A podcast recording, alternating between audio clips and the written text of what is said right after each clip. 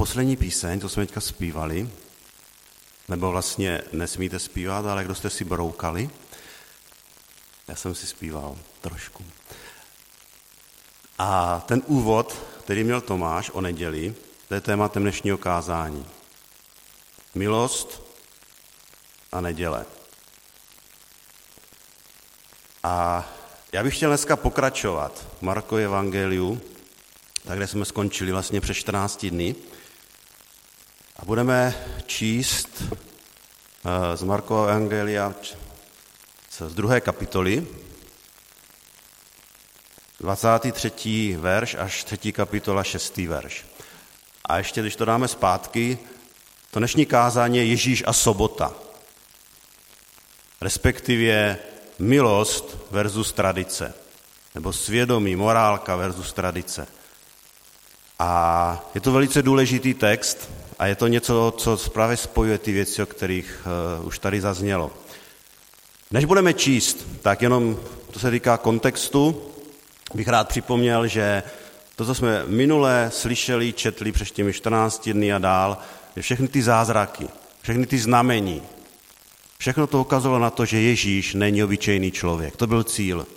Ježíš přitahuje zástupy, zákonníky, farizeje a tady v těchto oddílech, které budeme číst, napadá jejich tradice, jejich autoritu, ale víte, co je zajímavé? Na konci toho oddílu, který budeme číst, to je třetí kapitola, šestý verš, je zajímavé, že ty znepřátelené strany, kteří, kteří se neměli navzájem rádi, tak v té šestém verši napsáno přemýšleli a domlouvali se s další stranou, jak by Ježíše zničili, jak by ho zahubili. Zlo dovede spojovat lidi. A i to tady vidíme. Takže pojďme se na to podívat. Důležitý text pro nás, tradice versus milost. Jednou v sobotu procházeli obilím, jeho učeníci a jeho učení začali cestou mnout zrní z klasu. Farizové mu řekli, jak to, že to dělají v sobotu, co se nesmí? Odpověděl jim, nikdy jste nečetli, co dělal David, když měl hlad a neměl co jíst? On i ti, co byli s ním, jak za velekněze Abiatara vešel do, božího, do domu božího a jedl posvátné chleby, které nesmí jíst nikdo, kromě kněží, a dal i těm, kdo ho provázeli. A řekl jim, sobota je učiněna pro člověka, a ne člověk pro sobotu. Proto je syn člověka pánem i nad sobotou. Ten stejný den se, se pokračuje ten příběh. A vešel do synagogy, což je v sobotu. A byl tam člověk s odumřelou rukou. A číhali na něj. Uzdravili ho v sobotu, aby jej obžalovali. On řekl tomu člověku s odumřelou rukou, vstáň a pojď do prostřed. Tak se jej zeptal, je dovoleno v sobotu jednat dobře či zle, život zachránit či utratit ale oni mlčeli.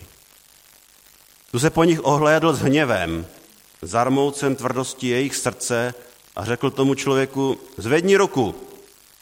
Pozvihl ji a jeho ruka byla se zdravá. Když farizové vyšli ven, hned se proti němu z Herodiány umlouvali, že ho zahubí.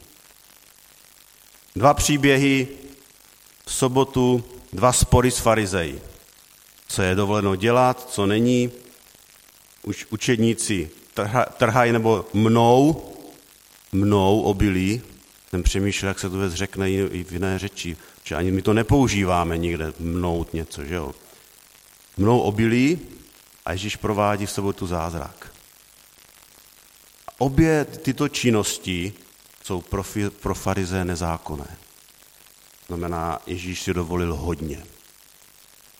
V čem je problém? Pojďme se podívat prvně na ten první příběh. Jo, abychom tomu porozuměli, a dneska právě to je v tom modlitební úvod, krátce o tom, podívejme se, co říká desatero na téma zachovávání dne odpočinku. Jo, kolik tam toho je o těch všech věcech, o kterých jsme teďka četli. Exodus 20. kapitola, přečtu tři verše. Pamatuj na den odpočinku, že ti má být svatý. Šest dní budeš pracovat a dělat svou práci. Ne, dělat všechnu svou práci. Ale sedmý den jeden odpočinutí hospodina tvého Boha. Nebudeš dělat žádnou práci, ani ty, ani tvůj syn, tvá dcera, tvůj otrok, otrokyně, dobyče, tvůj host, který žije ve tvých branách. V šesti dnech učinil hospodin nebe i zemi, moře a všechno, co je v nich, a sedmého dne odpočinul. Proto požehnal hospodin den odpočinku a oddělil ho jako svatý. Jenom krátce, co je záměr toho přikázání, co je smysl, o co tady jde? Jednou větou, důvěřuj mu, že zabezpečí všechny tvé potřeby, i když v neděli nebudeš pracovat. A odpočin si od všeho, od své denní práce. Máš na to šest dní. Ten sedmý den je oddělení pro hospodina. Dovedeme my v neděli opravdu všechno odpočinout, od čeho si odpočinout, tělesně, duševně, duchovně. Znamená nechat to všechno. Nebo pořád myslíme na to, co přijde těch dalších se šest dní. Už jsme o ten den dopředu, co mám všechno udělat. Jakou práci, kolik starosti, jaký je plán. A myšlenka je, šest dní budeš pracovat, dělat veškerou svoji práci. Sedmý den, jeden oddělení. A v podstatě to říká, já můžu odpočívat, protože já důvěřuji hospodinu, že, se, že těch šest dní dostatečně stačí. Jenomže tady je problém. A když je napsáno, nebudeš dělat žádnou práci ten sedmý den, tak farizeové nelenili a říkali, lidi potřebují naší pomoc. Oni potřebují přesně vědět, co teda můžou dělat a co teda dělat nemůžou. A tak farizové stanovili k tomuto božímu zákonu 39 činností, které se nesmí dělat v sobotu. A jedna z nich bylo mnout to obilí, trhat klasy. Jo, snažili se postihnout všechny ty denní činnosti. A byli právem naštvaní, protože někdo si dovolí přestoupit jejich tradice. To rozlítilo. Si pamatuju, když jsme byli v Izraeli, když jsem byl v Jeruzalémě a, a právě byl pátek, že jsme se tam ubytovat do starého města na té Davidově ulici, tak e, v pátek začíná Čábes. Vyjde první hvězda, že ho začíná sobota. Si pamatuju, jak jsem šel a chtěl jsem rozsvítit. A hned, hned tam byl nějaký chlapík, říkal, dneska se nesmí rozsvícet, nesmí se pouštět televize, nesmí se vařit, nesmí se nic. Do detailu to bylo. Druhý den ráno jsme šli ke zdinářku, a protože jsme tam byli tak částečně studijně, tak eh, jsem si vytáhl takový no, notýsek a chtěl jsem dělat poznámky. Přiletěl za mnou borec, takový ten pravý, pravověrný žid s tím, tím černě oblečený černým kloboukem. Žádné psaní dneska. Samozřejmě řekl, dobrý, tak vytáhl jsem foťák. Žádné focení. Tak jsem počkal samozřejmě, až odejde a začal jsem fotit. Jo?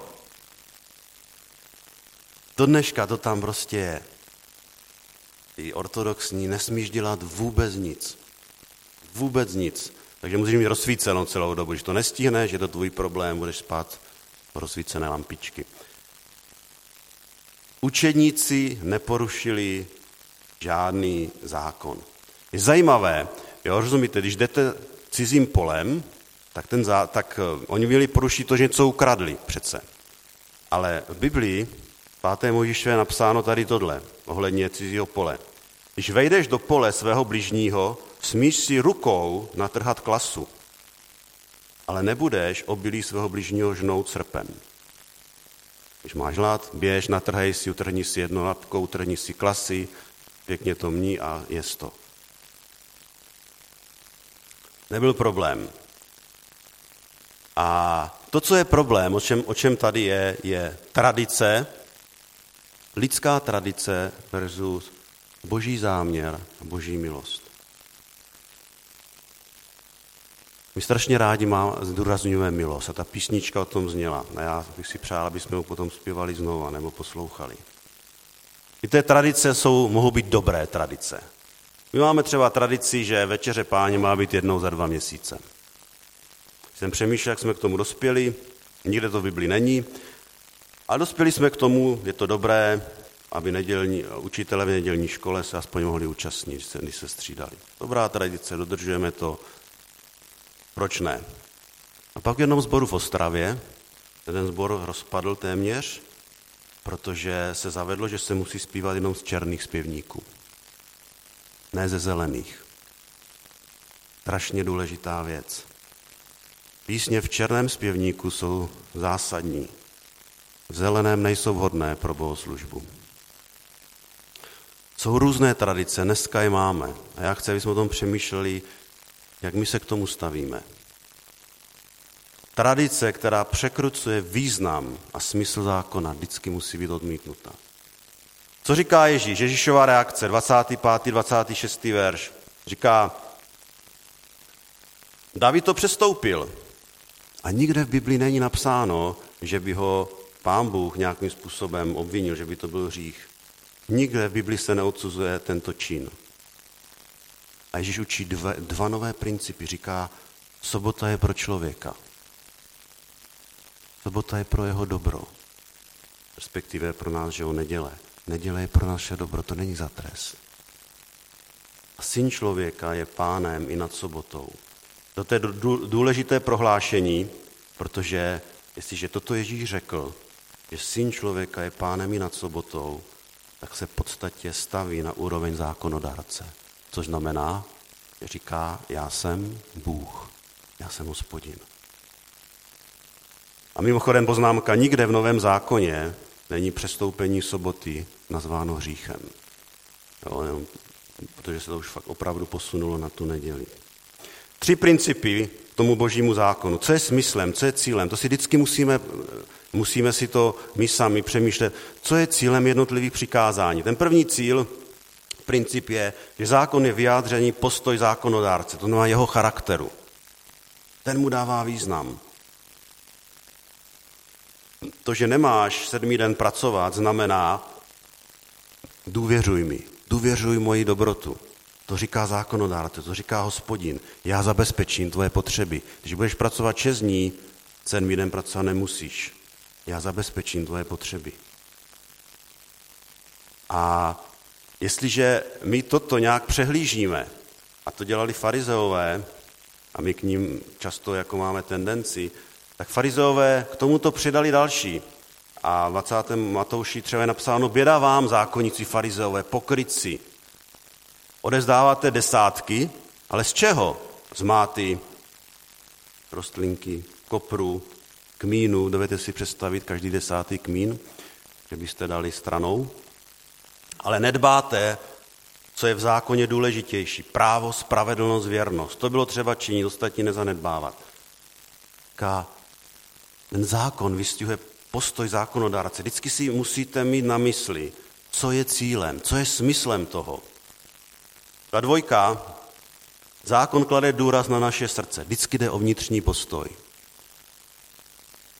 Bůh chce naší věrnost, lásku, víc než naše chování a skutky. Skutky mohou dělat roboti. A lépe než my.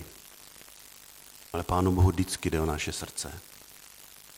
On říká Izraelcům, protože, mě tento, te, protože se tento lid přibližuje ke mně ústy, a ctí mě rty, to znamená, vypadá to tak, ale svým srdcem se ode mě vzdaluje a jejich bázeň přede mnou se stala jen naučeným lidským příkazem.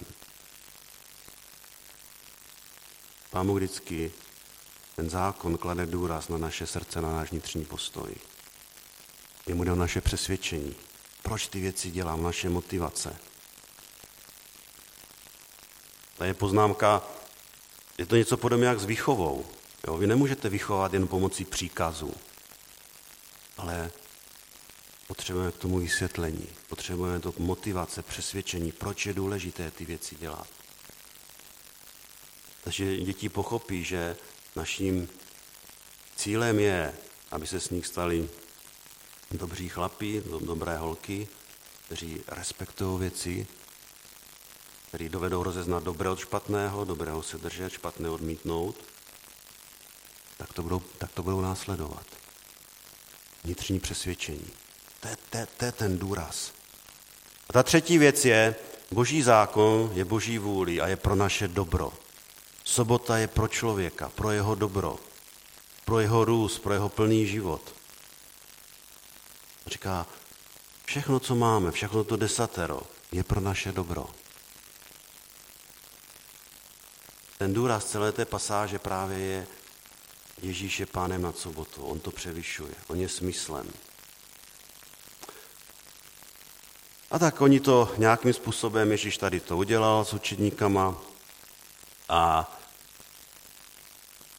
přichází do města a jde do synagogy, je sobota. A je zajímavé, to jsem nevěděl, zákonníci měli takový zvyk, jo, jsme té třetí kapitole. Na to podíváme na ten text. A oni měli takové pravidlo, že nejprve, kdo porušil tradici nebo zákon, tak ho napomenuli. Protože říkali, možná ten borec neví, že těch 39 všechno to nezná, těch 39 zákazů. První napomenutí, potom ho až potrestáme. A proto je tam napsáno, že sledovali, záměrně sledovali, co Ježíš v sobotu udělá. Jestli to poruší, nebo ne. Tam je napsáno, číhali na něho. Jo? Jak, prostě, jak jste nahonu a číháte na někoho. Pamatujte si ještě jednu věc. Ve výkladu jejich tradice bylo, že uzdravit se může jedině v ohrožení života. A toto nebyl ten případ. Takže ta klíčová otázka, takže oni se číhali, Ježíš to udělal, a ta klíčová otázka, co jim pokládá, je ten v tom čtvrtém verši. Na to se podívejte. To je silný verš, který říká, je dovoleno v sobotu jednat dobře či zle, život zachránit či ztratit. Je dovoleno život zachránit nebo ztratit? Jaká je odpověď? Logická odpověď každého člověka. Zachránit nebo zatratit? Dobro nebo zlo? Je to jednoduché. Zachránit, je tam dobro. Je tam život, život je víc než smrt, dobro je víc než zlo. A víte, co je tam napsáno? Jejich reakce? Ale oni mlčeli. To je hrozné. To je hrozné. Toto je, toto je jedna šílená reakce, která to je tak zarážející. Na jasnou otázku oni mlčí. No protože se to týká jejich, jejich lidské tradice. Týká se nějakého nějakého, nějakých 39 zákazů, příkazů, které jsou prostě, které postavili nad lidský život, nad morálku, nad milost, nad boží zákon. Raději zbožné nic nedělání, než abychom prokázali milosrdenství. Sobota ani žádná tradice nemůže být výmluvou pro činění dobra. A ve stejném oddíle ještě tam Matouš zachytil, zachytil jednu věc navíc. A Matouš tam popisuje a to, co Ježíš jim říkal. On jim řekl, kdyby z vás měl někdo jedinou ovečku, ona by mu v sobotu spadla do jámy. Stejná situace. Neuchobil by ji a nevytáhl? Oč je člověk cenější než ovce, proto je v sobotu dovoleno činit dobře. On dává, on ještě dál říká, kdyby vám jedinou ovečku, co máte, jediný vaše živobytí tam spadlo, tak kvůli nějakým tradicím, které odmítá činit dobro, prostě to tam necháte. A Ježíš se naštval. V pátém verši. Hněv je dobrý. Naštvání je dobrá věc. Pamatujte si, naštvání je dobrá věc. To je jedna z našich emocí. A Ježíš se naštval. S něvem. Říká, zvedni ruku. Zvedli a jeho ruka byla zase zdravá. Ježíš se naštval na správném místě, dobrým způsobem. Pamatujte si, naštvání je dobrá věc. To je základní emoce, nejenom poznámka navíc. Víte, co je špatné? To je vztek. Vztek je nezvládnutý hněv. Buďte naštvaní. Musí to ty děti slyšet, vidět ve vašem hlase. Používejte slova, ale v momentě, kdy něco vezmete a hodíte to, nebo když jste zlostní, vztek je nezvládnutý hněv. Uděláte něco špatně, samozřejmě potom to litujete, co jste jeli ve vzteku, co jste řekli, co jste hodili, musíte vylepšit všechno. Celá vaše výchova jde do kytek v té chvíli, protože jste prohráli. A Ježíš nic neházel. Ježíš se naštval. Protvrdl se jejich srdce. Toho úplně vytočilo. Jak může být někdo tak bezcitný, že na otázku, jestli je lepší život nebo smrt, dobro nebo zlo, neřekne vůbec nic.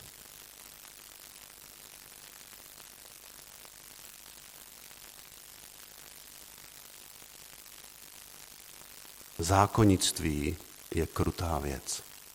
Jestliže posadíme naše lidské tradice nad to, co učí Bible, nad boží zákon, nad boží principy, tak je to něco, co nás může zničit.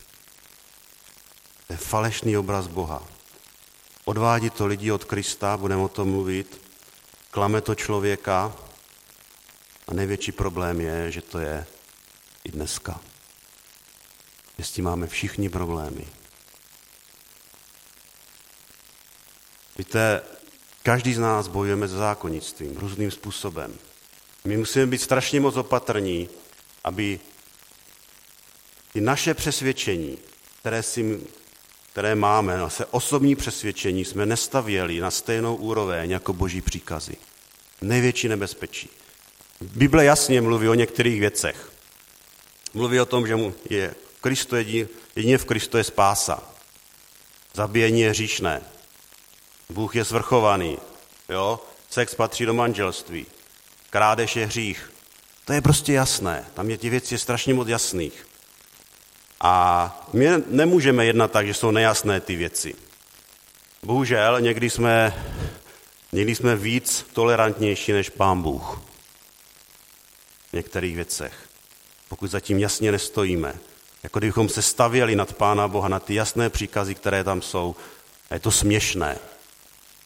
Některé, u některých věcí jsme strašně tolerantní. Ale pak jsou věci,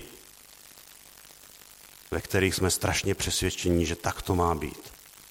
To jsou ty naše zásady. Že takhle, takovým přístupem my bychom měli jednat. To je to nebezpečí. A poštol Pavel o tom jasně věděl a v Římanu ve 14. kapitole, nebudeme o tom teďka mluvit, eh, podívejte se na to, píše o tom, že Někdo je přesvědčení, že toto jídlo se má jíst, toto se nemá jíst. Někdo je přesvědčení, že má se v sobotu chodit, někdo v neděli. Každý je přesvědčení o něčem jiném. Nikde to není úplně jasné. On říká, nehádejte se o tom. Nehádejte se o ty názory. Máme více kategorií oblasti naše křesťanské víře, kde můžeme být silně přesvědčení, že máme pravdu. Jak vychovávat děti, jak se postavit tady k tomu, koho volit, že jo, politika, jo. Spoustu takových věcí, o kterých Bible nemluví. Ale my jsme přesvědčeni, že každý křesťan by měl toto dělat. Dejte si na to pozor. Vyžadovat, dávat svoje přesvědčení na tom, že to je boží příkaz. Můžeme být o tom přesvědčení, ale nevyžadujme, aby někdo jiný dělal to, co děláme my, protože si myslíme, že pokud jste křesťané, musíte se mnou souhlasit. Toto je nebezpečné. To je moje přesvědčení. Farizeové se rozhodli, že jejich tradice jsou ty nejlepší. A pokud se nepřímo, pokud se nebudou chovat všichni jako oni, nebo nebudou souhlasit s jejími tradicemi, tak jsou špatní a nevěrní. Toto se může stát i nám, že tradice povýšíme nad boží zákon, nad to, nad boží principy. Proto je to strašně nebezpečné. Posuzujeme druhé na základě našich tradic, našich představ, jak má vypadat duchovní člověk. Jak má správně vychovávat děti, jak číst nebo studovat Bibli. Porovnáváme se, soutěžíme. Když to druzí nedělají tak jako my, tak se, tak se může, dvě situace se může se stát. Buď jsme lepší než oni, že čteme každý den, oni jedno, jenom každý druhý, anebo ten druhý má pocit viny, že není tak duchovní. Zákonnictví vede k píše. Pícha nás ničí. Ježíš říká takové podobenství. Dva muži stoupili do chrámu, aby se modlili. Jeden byl farizeu, druhý celník. Farizeu se postavil a takto se modlil. Bože, děkuji ti, že nejsem jako ostatní lidé. Jako vyděrači, nepoctivci, cizoložníci nebo jako tento celník. Postím se dvakrát za týden. Dávám desátky ze všeho, co získám. Ale ten celník stál docela vzadu a neodvážil se ani pohnout, ani pozvednout oči k nebi. Byl se v prsa a říkal, bože, smiluj se nade mnou, hříšným. A Ježíš říká, ten celník se vrátil domů spravedlně, ne ten farizeus. Kdy se z božího zákona stává zákonnictví? Podívejme se na další snímek. Co to je? Na co si musíme dát pozor?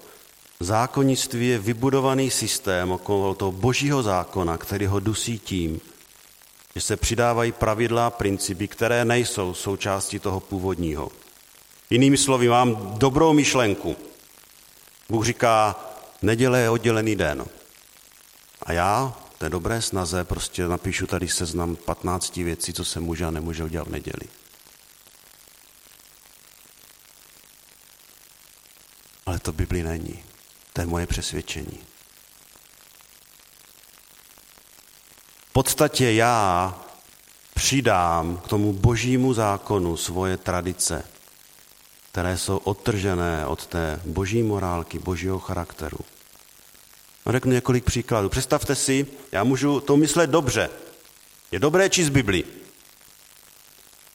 Ale já můžu říct, ten nejlepší způsob, jak číst Bibli, je číst ráno. Aspoň jednu kapitolu. Aspoň 30 minut. Dobrý plán. Výborná věc. A to je, to je dobré až do doby, než si začnu myslet, že toto je jediný způsob, jak číst Bibli. Toto je jediný, jediná duchovní cesta. A když se setkám někým jiným a zjistím, že on to čte každý druhý den, že to čte jenom 25 minut, že čte jenom jeden verš, tak říká, hochu, ty to nikam nedotáhneš. Zamysli se nad sebou. Všichni to musí dělat jako já. Já jsem tím měřítkem. A myslíme si, že to dobře. Ale jestliže toto já prohláším jako zákon, jinými slovy, když to neděláš, tak řešíš, je to velký problém. A jsme tam úplně stejně, kde ty zákonníci. Já se musím ptát, co je cílem čtení Bible? Cílem není číst jeden verš, cílem to není číst ráno, cílem není vůbec čtení Bible. Nebo jak to dělat? Cílem je poznat Pána Boha. Že to můžeš poznávat jak skrze Biblii, tak to, že mu zpívá, že čteš jiné knížky, že se modlí, že seš v tichu, jak je cílem daleko víc. Jako v momentě, kdy já povýším tu svoji představu ten boží zákon, stávám se farizem, protože to vyžaduje od ostatních. Já, jsem, já nejsem proti řádu, já jsem proti systému. Já jsem proti, pro systém. Ale my si musíme dávat pozor, aby to, nebyl, aby to, byl, aby to nebyly ty naše, naše řády. Rozlišovat, co je podstatné. Proč je zákonnictví nebezpečné? Tři věci. Proč je to farizejství, které je v každém z nás, máme ten, je nebezpečné. První věc je, vede to k píše. Pícha zabíjí růst. Chodím v neděli do sboru, modlím se, nejsem nevěrný, nosím výplatu domů, nemluvím moc prostě, co vy byste chtěli? jsem borec. Nemusím už dál růst. Dosáhl jsem vrcholu. Kdyby všichni byli stejní jako já, to byl krásný sbor, krásná církev. Farizeové si to mysleli. Oni to dodržovali. My si to můžeme myslet. Něco jsme dosáhli, kdyby všichni byli jako já, to bylo pěkné. My se stáváme měřítkem. A v tomto momentě nemáme jediný důvod růst, protože já jsem si to takhle nastavil. Ale Bible říká, milíš se, všichni máme růst do podoby Krista. Máme růst dokonalosti. To je začátek. Zákonnictví vede k píše a pícha zabíjí růst. Ta druhá věc je, brá, zákonnictví brání člověku skutečně poznávat, kdo je Bůh. Jestliže představíme lidem jenom zákon, tak v podstatě platí toto. Běda vám, zákonníci, farizové, pokryci, zavíráte lidem království nebeské, sami nevcházíte a ještě zabraňujete těm, kdo by chtěli vejít. Protože vy je vedete k, té, k tomu suchému zákonnictví, který s podstatou Boha nemá nic společného. A zákonnictví je taky nebezpečné v tom, že se dá těžko rozlišit. Vypadá hodně dobře. Navenek se zdáte lidem spravedlivý, říká Bible. Jeho zákonníci jsou prostě borci, ale zevnitř to samé pokrytectví a nepravost.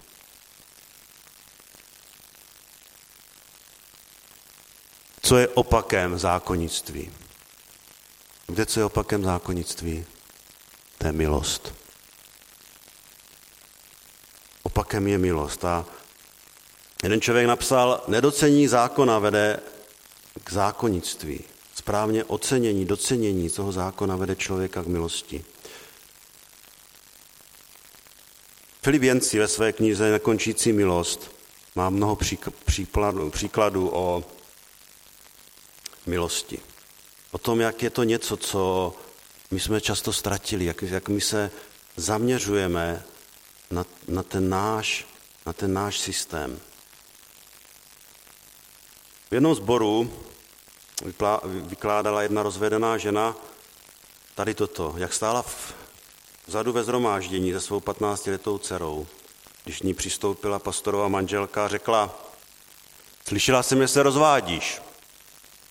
Upřímně nechápu, jak lidé, kteří milují Ježíše, můžou něco takového udělat.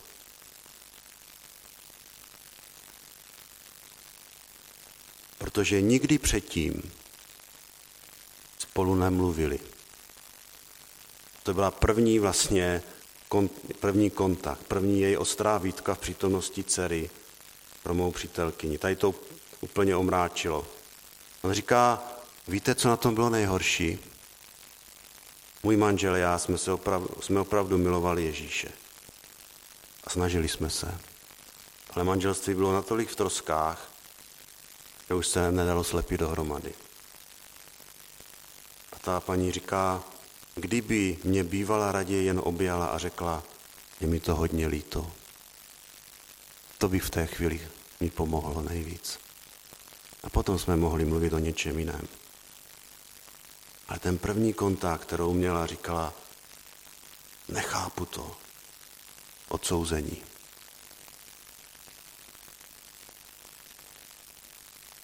Před mnoha lety jeden profesionální křesťanský poradce, hluboký křesťan, David Simen, říká tady toto, došel k závěru. Říká, před mnoha lety se nospěl závěru, že dvě nejzákladnější příčiny našich emočních problémů jako křesťanů, hlavně z protestantských církví, je neschopnost pochopit a přijmout Boží bezpodmínečnou milost a odpuštění. A žít podle toho. A ta druhá věc neschopnost předávat tuto bezpodmínečnou lásku, odpuštění a milost druhým lidem. My milujeme ten řád, my milujeme ty systémy. To je dobře. Nebezpečí je to, že se pro nás stává to božím záměrem. Dáváme to na stejnou roveň. Říká, čteme křesťanské knihy, posloucháme kázání, věříme dobré teologii o milosti, ale žijeme úplně jinak. Dobrá zpráva Evangelia nepronikla na úroveň našich citů. A to poslední, co taky, co to máte napsáno, napsáno tam, Gordon McDonald říká, svět dokáže téměř všechno, stejně dobře jako církev a někdy lépe než církev. Nepotřebuje být křesťanem, abys mohl stavět domy, krmit hladové, léčit nemocné, to jak kdokoliv. Jen jediná věc, kterou svět nedokáže, že neumí nabídnout milost.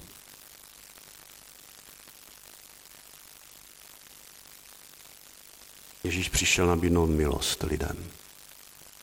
Nedokonalí jsou vítáni. My všichni potřebujeme milost.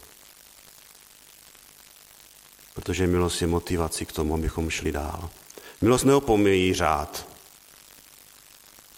ale milost motivuje a vede lidi, aby šli dál.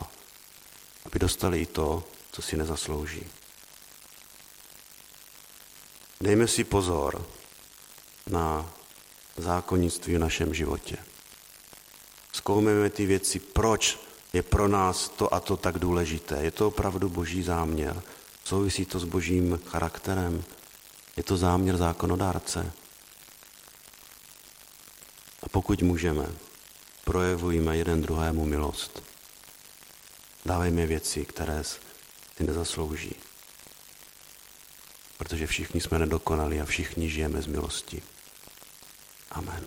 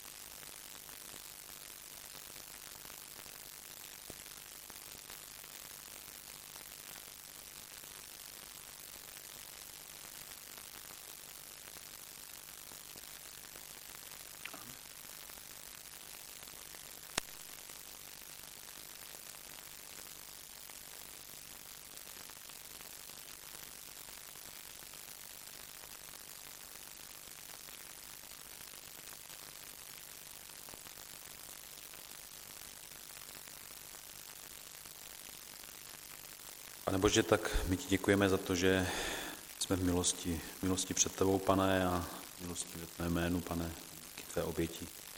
Já ti za to děkuji, že nemusíme mít žádné tradice, nemusíme žádné té restrikce pro to, aby jsme byli omilostnění.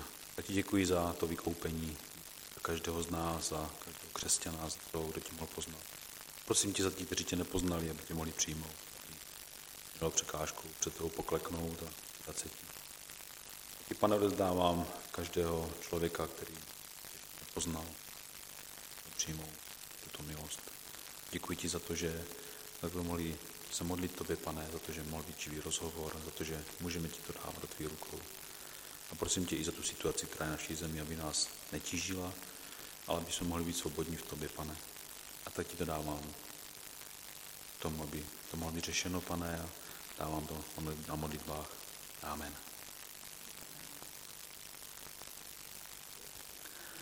Tak, nevím, jestli bude ještě závěrečná píseň.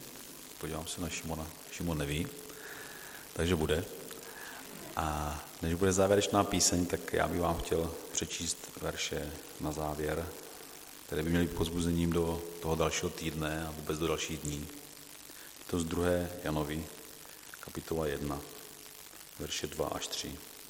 Píši kvůli pravdě, která v nás zůstává a bude s námi na věky. Bude s námi milost, milosrdenství a pokoj od Boha Otce i od Ježíše Krista, Syna Otcova, pravdě a lásce. Pozval Rudku.